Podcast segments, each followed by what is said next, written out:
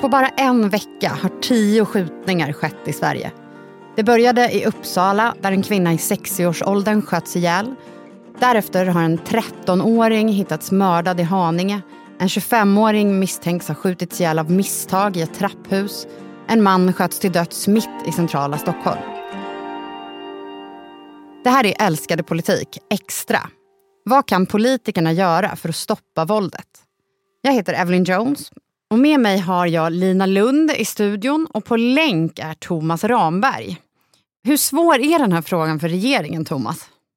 Det är så oerhört tragiska och hemska saker som händer, inte minst när barn och väldigt unga människor dras in. Så att det påverkar ju stämningen, eh, inte bara den politiska stämningen, men det är ju det som är jobbigt för regeringen då, hur den ska hantera det här.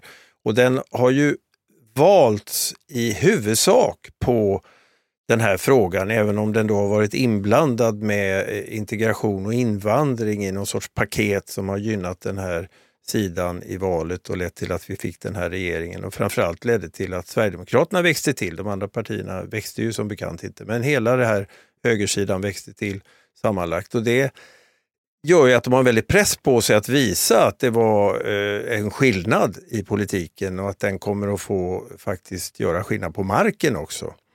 Mm. Och Det har man ju inte sett än och det där är de ju väldigt medvetna om att de inte kan styra.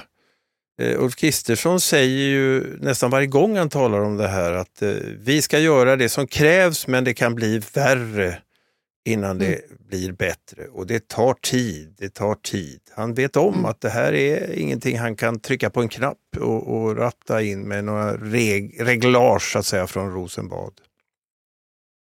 I regeringsförklaringen som Kristersson höll eh, häromdagen i riksdagen så uttryckte han ju en oro för vad som händer om politikerna inte lyckas vända problemen, nämligen att eh, väljare, folket tappar tron på att eh, politiken kan lösa problem.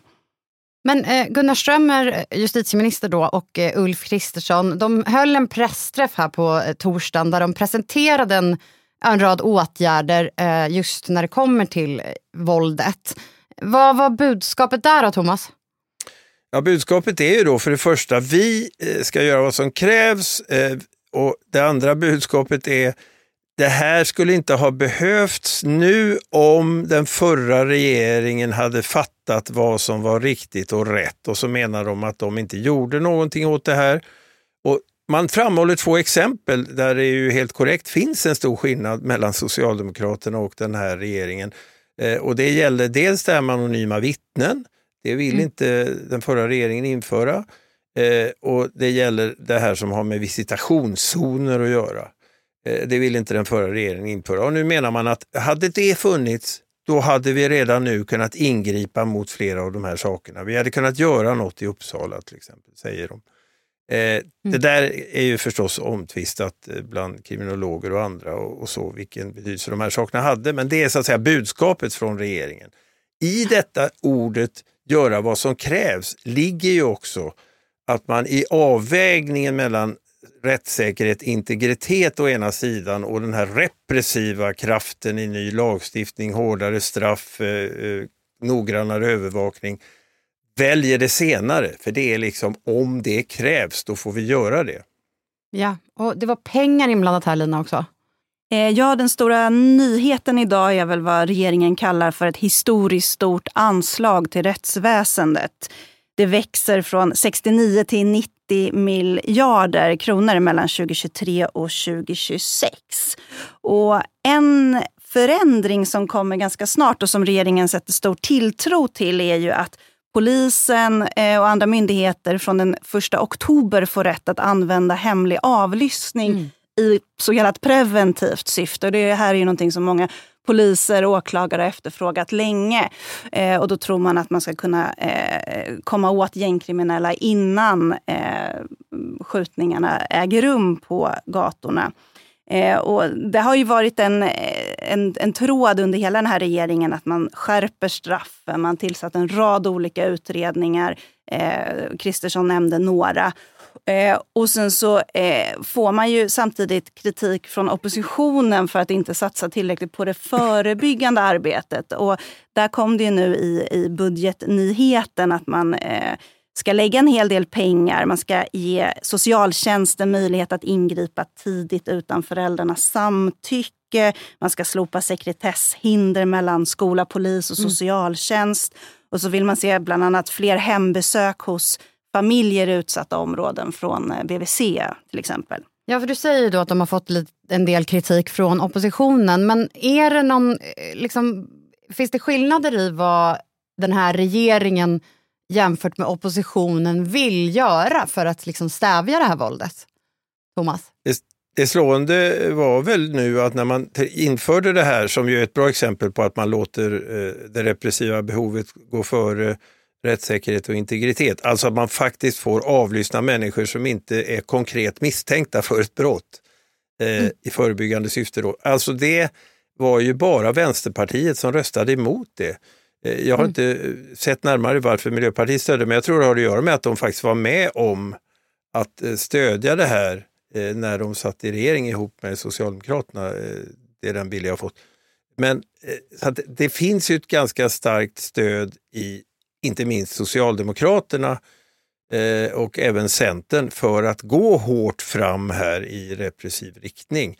Det är de här mm. frågorna som vi var inne på nyss då med eh, anonyma vittnen där, där ju många anser att det helt enkelt inte är effektivt utifrån erfarenheter i andra länder, man inte använt det så ofta. Och det andra då eh, med visitationszoner som är omstridda och som är de viktigaste skillnaderna här. Just det. Har du också valt att bli egen?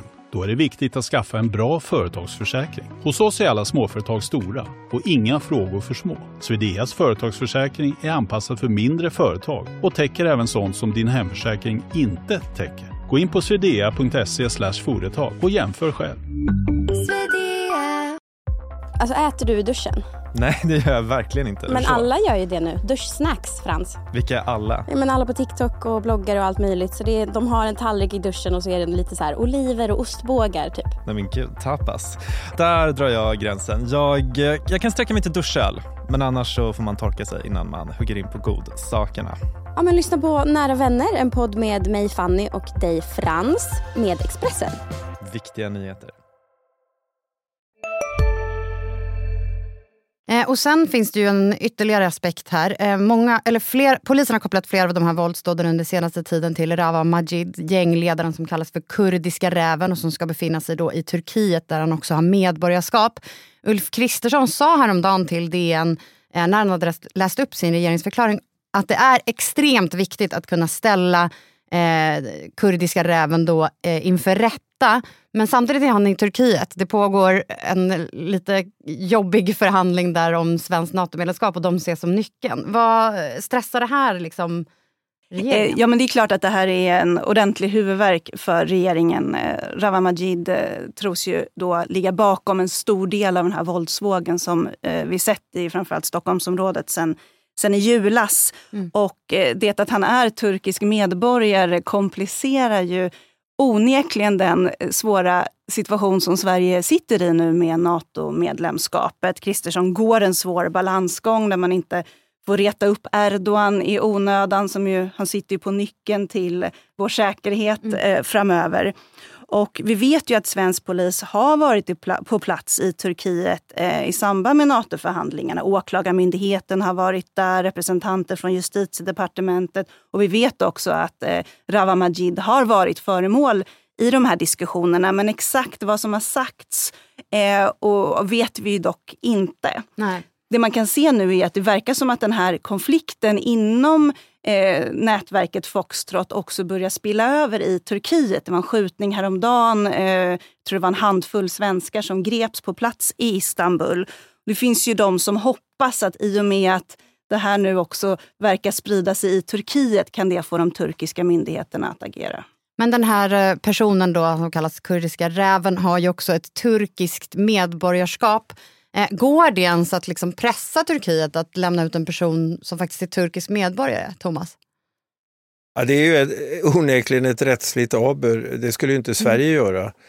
Eh, så att, och det är ju en invändning som har kommit och som är väldigt eh, stark. Eh, det som, eh, eh, konflikten här är väl att å ena sidan, precis som Lina beskriver, så ska man då liksom inte trampa Erdogan på tårna men ändå driva brottsbekämpning i Sverige mot den här fruktansvärda utvecklingen, inte minst de här hemskheterna vi har sett på sistone. Då. Mm. Å andra sidan eh, så säger ju regeringen att ja, det går faktiskt lättare nu när vi har tagit de här kontakterna med Erdogan genom NATO-förhandlingarna och med en passning då till Socialdemokraterna, inte längre är mjuka mot PKK. Eh, för då kan vi begära en motprestation och det går, våra kontakter är nu bättre. Det är det budskap regeringen lämnar här. Men det är ju ingen tvekan om att det finns en enormt svår balansgång om man är väldigt angelägen att få sitt NATO-medlemskap ratificerat nu i oktober eller november. Tack så jättemycket Thomas och Lina för att ni kom in och gjorde en liten snabb briefing här kring den här frågan som har dominerat nyheterna den här veckan. Tackar. Tack. Tack för att du lyssnade. Det här var alltså ett extra avsnitt av Älskade politik. Ett lite kortare avsnitt där vi går igenom eh, stora nyhetshändelser som händer. Älskade politik är som vanligt tillbaka på onsdagar och följ oss gärna i din podcast-app så missar du inga avsnitt. Producent var Viktor Aldén, ljudtekniker Patrik Miesenberger, klippning och musik Patricio Samuelsson och ansvarig utgivare för Dagens Nyheter är Peter Wolodarski.